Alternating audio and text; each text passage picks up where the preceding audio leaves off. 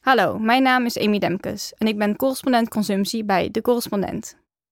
In het bedrijfsleven verliest duurzaamheid het vaak nog van de focus op winst voor de aandeelhouders.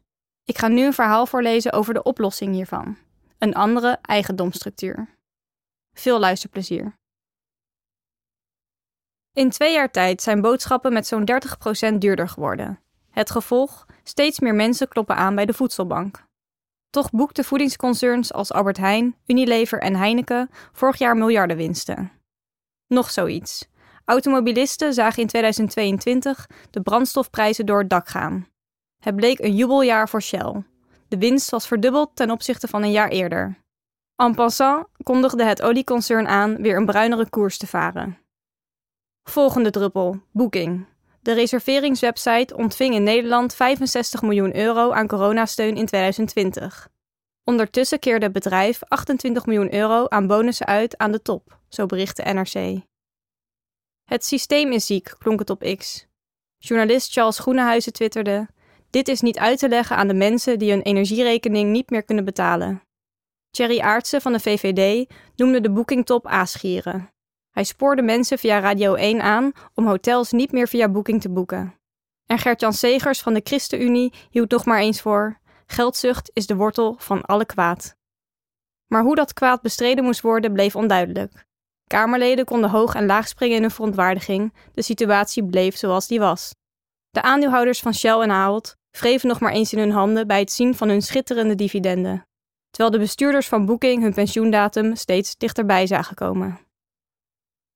Niemand richt een bedrijf op om mensen uit te buiten of het milieu te vervuilen. Maar zodra investeerders worden aangetrokken, die met name in de startfase nodig zijn, gaat het vaak mis. Dat komt doordat deze aandeelhouders niet alleen recht hebben op winst, maar ook stemrecht hebben. En dat leidt tot verkeerde prikkels. Ga maar na. Bedrijven worden veelal gebruikt door mensen of instellingen, zoals pensioenfondsen of verzekeraars, als beleggingsmiddel.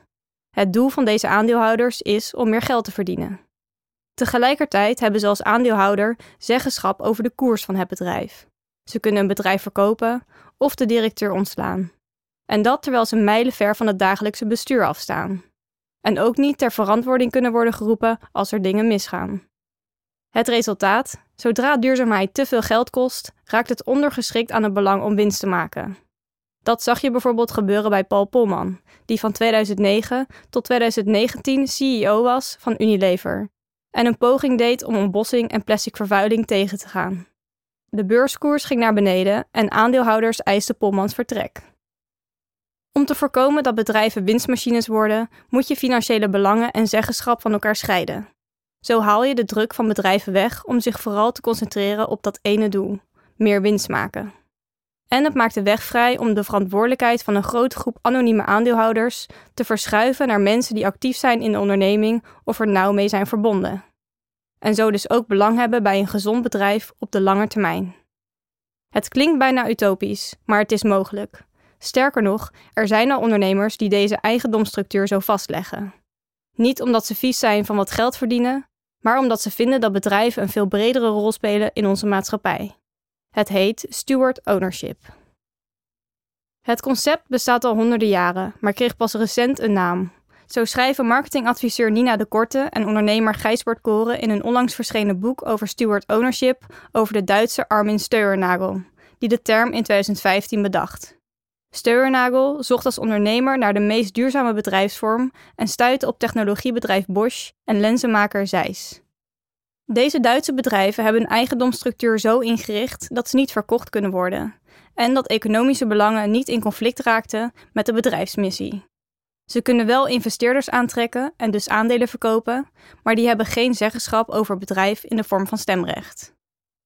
In plaats van anonieme beleggers hebben mensen die direct of nauw betrokken zijn het voor het zeggen. En een groot deel van de winst gaat niet naar externe partijen of mensen, maar vloeit terug naar het bedrijf of wordt via een stichting of fonds aan goede doelen uitgegeven. Zoals Patagonia ook recentelijk besloot. Op deze manier weten de oprichters van Zeiss en Bosch al decennia de missie van een bedrijf te waarborgen, ook ver na de dood van hun oprichters. Steurnagel vond wat hij zocht en hij wilde dat de rest van de wereld hier ook van af zou weten. Daarvoor had hij wel een naam nodig. Steward staat voor iemand die toezicht houdt of zorg draagt voor iets van waarde. en ownership voor een gedeeld bezit en dus gedeelde verantwoordelijkheid. Hoewel steward-owned bedrijven op allerlei manieren ingericht kunnen worden, staan er twee principes centraal. 1. Zelfbestuur. Mensen die nauw betrokken zijn bij de werking en missie van het bedrijf hebben de controle. En 2. Missiegedreven. Winst dient altijd in eerste instantie de missie van het bedrijf en is geen doel op zich. Steward ownership is dus een manier om het doel van een bedrijf centraal te stellen en te verankeren in de eigendomstructuur. Daarmee gaat het veel verder dan gewone bedrijven die bezig zijn met groen ondernemen. Die kiezen weliswaar voor biologisch katoen, verpakkingen van gerecycled plastic of lappen oude meubels op en verkopen ze opnieuw. Maar ze zullen dit soort beslissingen niet snel maken als het ten koste gaat van de winstgevendheid op korte termijn, ook al pakt het voordelig uit op de lange termijn. Is steward ownership daarmee de oplossing voor klimaatverandering en de biodiversiteitscrisis? Nee, het is slechts één bouwsteentje voor een eerlijke en duurzame economie, schrijven de Korte en Koren in hun boek. Maar wel een hele fundamentele. Steward ownership is misschien wel de beste kans om onszelf uit het tijdperk van het destructieve aandeelhouderskapitalisme te navigeren, schrijven ze. Maar hoe succesvol zijn dit soort bedrijven in de praktijk? En kunnen ze wel de concurrentie aangaan met andere spelers? Nieuws Meijsen, oprichter van bookingsite Time to Momo, schreef drie jaar geleden een post op LinkedIn waarin hij zijn ongenoegen uitte over Booking.com. De boekingswebsite had een dag ervoor laten weten dat het noodsteun had aangevraagd bij de Nederlandse overheid vanwege de lage inkomsten tijdens corona. En dat terwijl het bedrijf een jaar ervoor meer dan 5 miljard euro verdiende. Een bloody shame, schreef Meijs in zijn post, die hij afsloot met de volgende zinnen. Bij duizend likes op deze post overweeg ik een crowdfunding te starten voor een alternatief boekingsplatform. Dan doen we het in een stichting, zonder knipperende kermisknop op de site en met een eerlijk verdienmodel voor hotels. Deze post leverde hem meer dan 38.000 likes op en 2 miljoen euro startkapitaal, waarmee hij een alternatieve boekingssite begon, genaamd Time to Momo. Meijsen wilde voorkomen dat zijn bedrijf, net als Booking, een op geld beluste machine zou worden en dacht in eerste instantie aan het oprichten van een stichting. Tot hij hoorde over het concept van steward ownership. Je kan hierbij nog steeds extern geld aantrekken en ondernemerschap belonen, maar wel met spelregels om ervoor te zorgen dat het niet doorslaat, vertelt hij. Zo heeft Meijsen met zijn investeerders een maximaal winstpercentage afgesproken, nooit meer dan 50% van de winst. Ligt vast wat het maximale salaris is, nooit meer dan 250.000 euro per jaar, en wat de oprichters aan het bedrijf over mogen houden als ze winst maken. Maximaal 5 miljoen per oprichter over een periode van 10 jaar. En dan is er nog een vetorecht vastgelegd bij een stichting die overnames en wijzigingen van de bedrijfsstructuur kan blokkeren. Zodat beslissingen die tegen onze missie ingaan worden afgeketst, zegt hij. De weg die Meijs heeft gekozen is niet de makkelijkste. Zo is het ongelooflijk duur om deze bedrijfsvorm op te tuigen.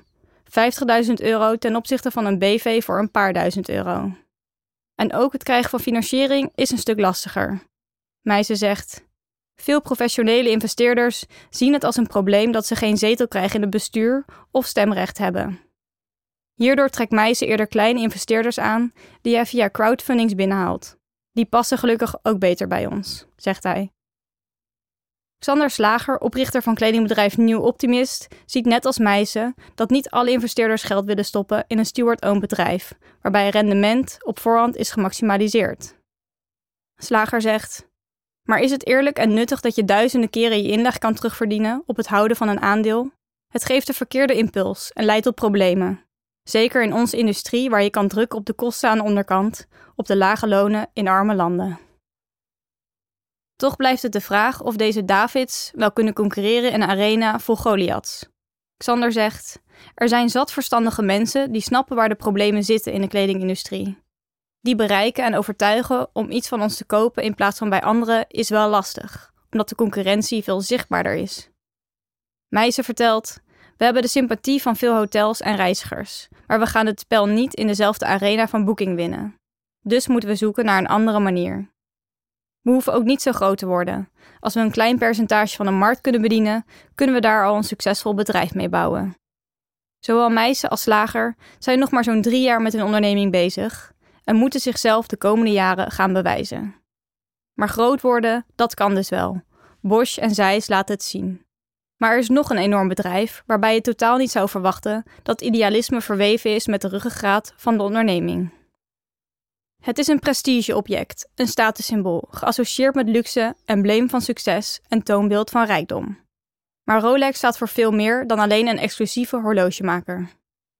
Het Zwitserse bedrijf is namelijk sinds de oprichting in 1905 in handen van de Hans Wilsdorf Foundation, een particuliere familietrust. De winst die Rolex maakt stroomt via deze NGO naar opleidingen voor werknemers, milieuonderzoek, sportactiviteiten, kunst en cultuur en naar individuele wetenschappers, zoals de Argentijnse bioloog Louis Jacom. Hij werkt sinds 1991 aan het behoud van een van 's werelds grootste vliegende vogels die dreigen uit te sterven, de Andes condor. Wat een vet dier. Zo wist hij door een broedprogramma 219 vogels op te laten groeien en vrij te laten. Doordat Rolex geen aandeelhouders heeft, kan het zich richten op de langere termijn. Het bedrijf maakt relatief weinig horloges, maar heeft als doel om de beste van de wereld te produceren. Uit Deens onderzoek naar bedrijven zoals Rolex blijkt dan ook dat ze niet alleen winstgevender zijn dan andere bedrijven op middellange termijn, ze bestaan ook langer. Zo is de overlevingskans na 40 jaar zes keer zo groot dan andere bedrijven en worden positiever beoordeeld door hun werknemers. Nina de Korte en Gijsbert Koren noemen steward ownership in hun boek dan ook het bedrijfsmodel van de toekomst. En de tijd voor deze toekomst lijkt rijp. Dit verhaal heb je gratis kunnen luisteren, net als honderden andere audioverhalen van het afgelopen jaar. Maar het maken van dit soort verhalen is niet gratis. Ze worden mogelijk gemaakt door onze betalende leden. Ga daarom naar decorrespondent.nl en word lid. Want onafhankelijke journalistiek is afhankelijk van jou.